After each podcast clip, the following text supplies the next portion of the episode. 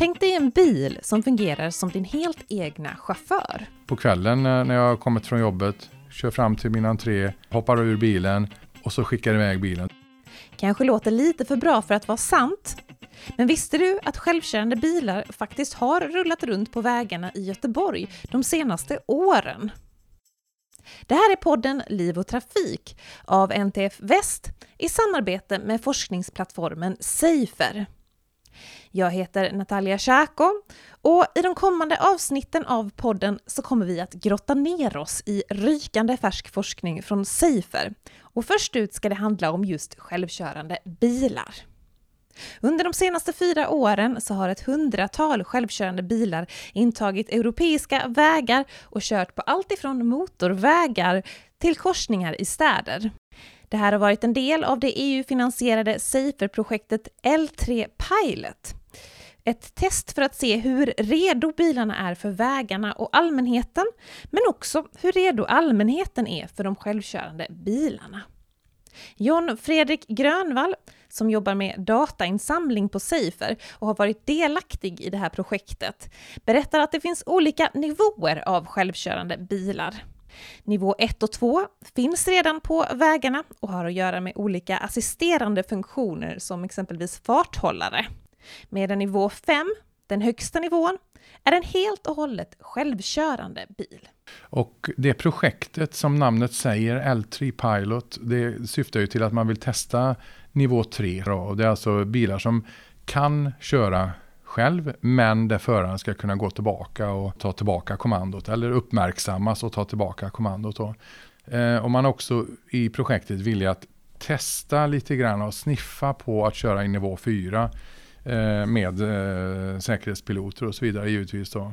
I princip all bilindustri, all fordonsindustri i Europa är med. Alla tyska, svenska, franska och italienska och tidigare även eh, från Storbritannien, men de är ju inte med i EU nu längre då. Men, eh, och här i Göteborg så är det Volvo Cars som är med. Sen vill ju EU-kommissionen att vi ska se hur de här bilarna tas emot på marknaden och hur det fungerar tekniskt och hur man kan samverka mellan i någon mån självkörande eller assisterande bilar och vanlig bilflotta. Så att eh, samver samverkan där är ju viktig.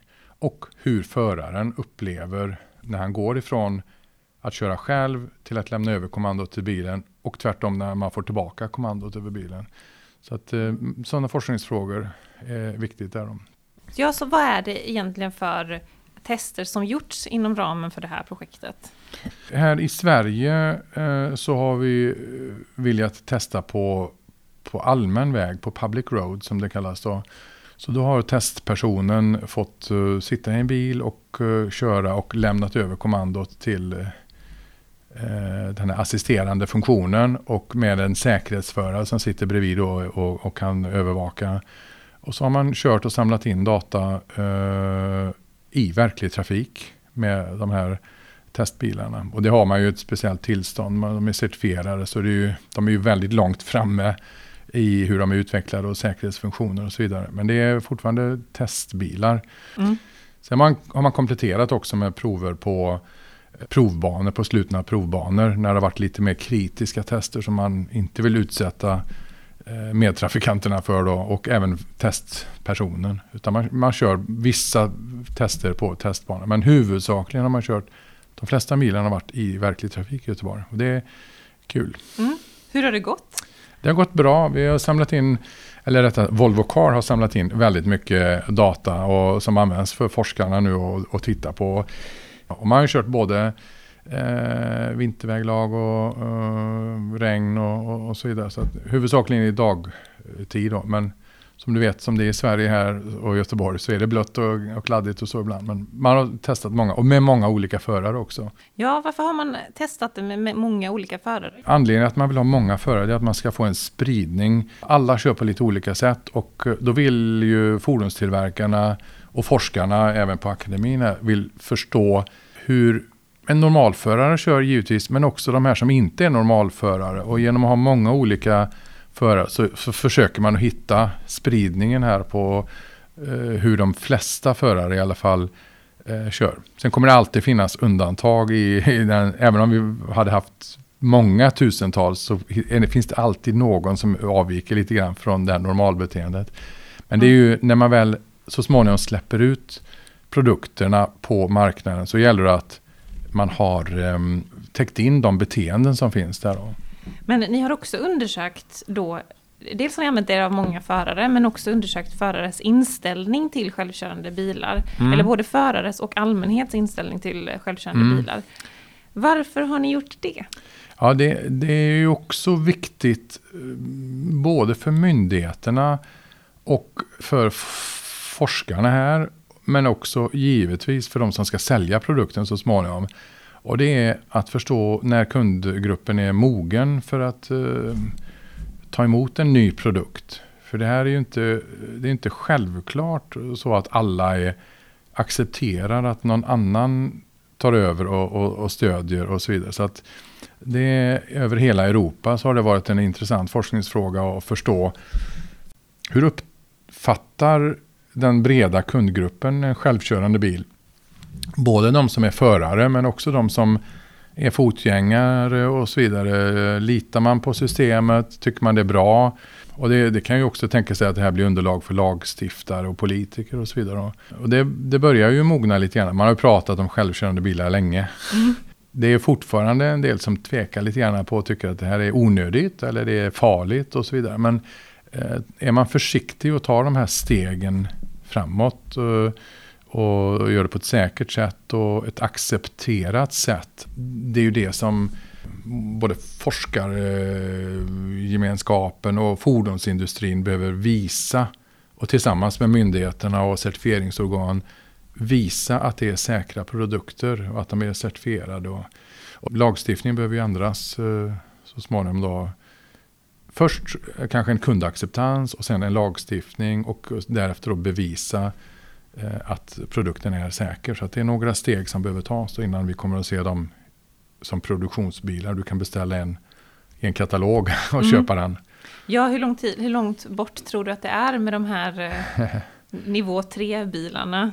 Nivå 3 är ett eh, väldigt komplicerat steg att ta, så jag tror det, det min personliga uppfattning är nog att man kommer nog att hoppa över det och gå på nivå 4. Då, då kan man släppa föraransvaret och uh, gå till en, uh, ett fordon, ett produktansvar, ett tillverkaransvar.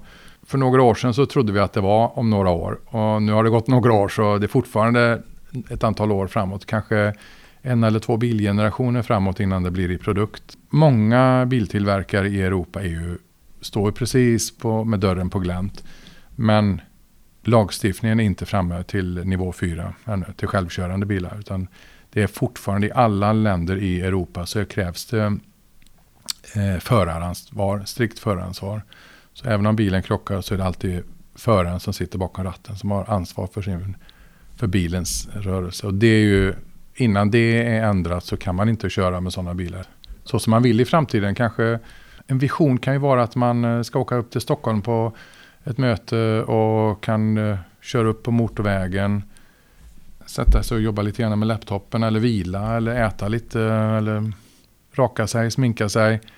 Om föraren på vägen till Stockholm har somnat så djupt. Och, eller dagdrömmer eller sitter mitt i ett möte och, och är fokuserad. Om då föraren inte tar tillbaka kommandot. Då måste ju fordonet kunna köra åt sidan eller parkera säkert eller stanna eller vad man nu väljer att göra. Så där är ju, förstår vi att det är ju svårigheten. För um, om man inte får kontakt, om man inte um, kan väcka föraren, vad ska bilen göra då? Mm. Och har man någon lösning på det? Ja, det, det som uh, man vill göra då, det är man bygger in till exempel någonting som kallas för safe stop. Att bilen, fordonet uh, ska ha en elektronisk horisont och veta att under bilens eh, möjliga tid så, som den färdas framåt, beroende på hur, hur, hur snabb väckningstid man mm, prognostiserar, så ska bilen alltid kunna göra en ett säkert förflytta sig från, från vägytan då. Kanske köra in till vägkanten eller någonting. Och det, det är där som det behövs tekniska lösningar. Då.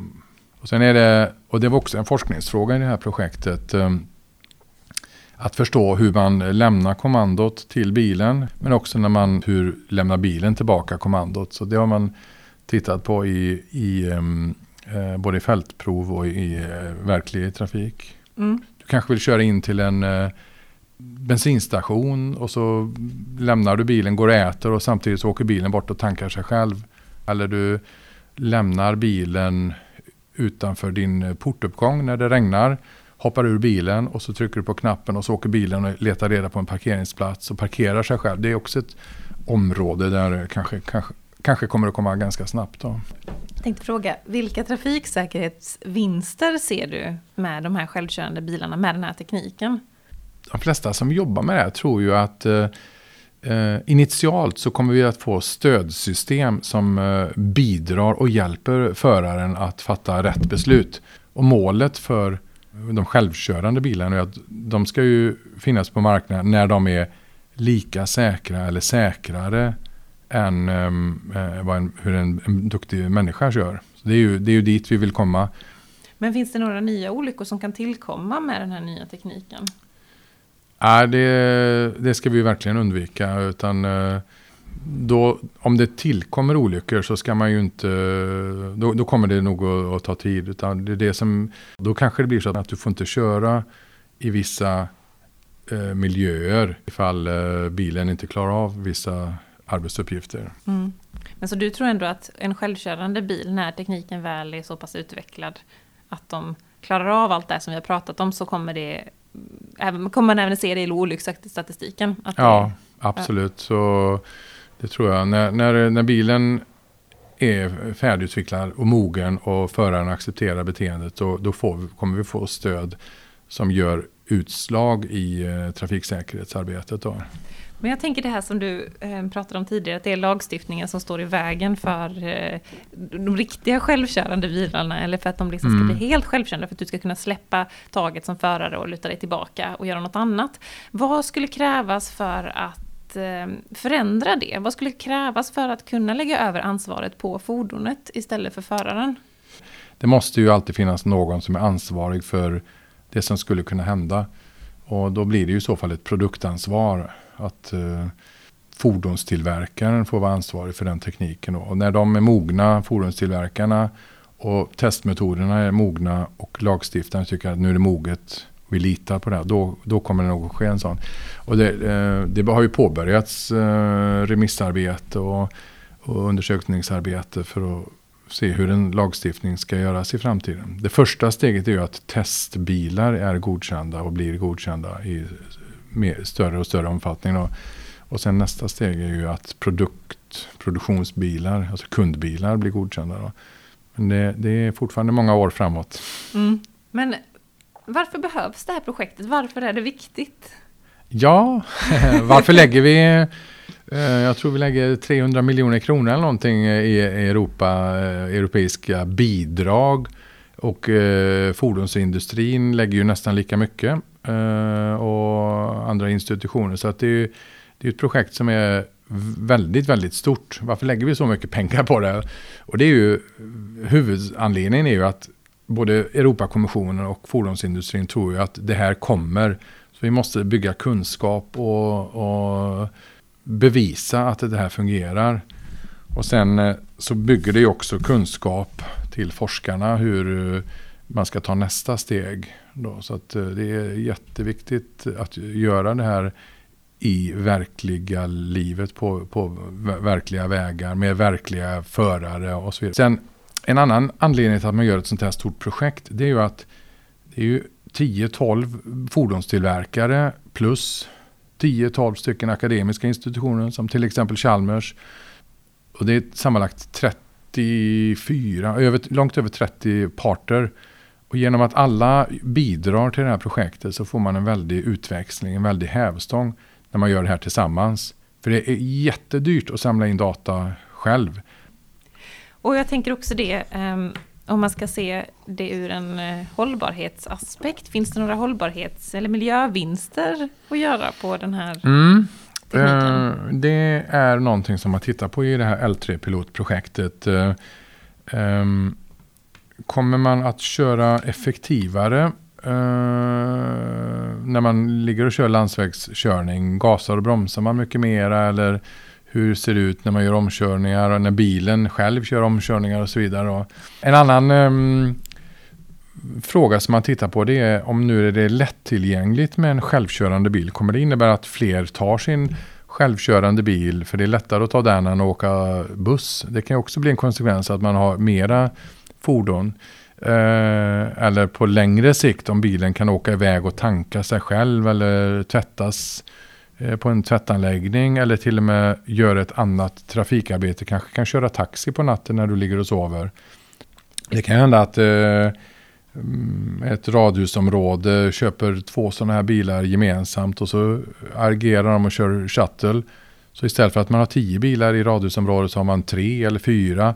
Så jag tror framför oss lite längre bort så är, finns det nog väldigt mycket annorlunda eh, uppgifter. Eh, I, i, och det kan vara väldigt svårt att säga hur kommer det här att påverka samhällsbyggandet. Det är någonting som vi på Safer kommer att jobba med. Här. Ja.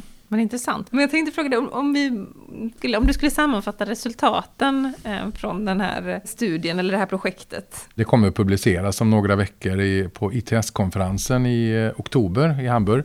Eh, resultatpubliceringen då. Men det man ser i korthet då, det är ju att eh, allmänhetens inställning till självkörande bilar, det, det ser vi, det har förändrat sig ganska snabbt här nu de sista åren. För nu pratas det mycket mer om självkörande bilar. Och, så inställningen är går åt eh, rätt håll. Då. Så, och det gör ju att acceptansen för det kommer ju att finnas ganska snart här. Då. Mm. Och så, sen så ser vi också då effektiviteten.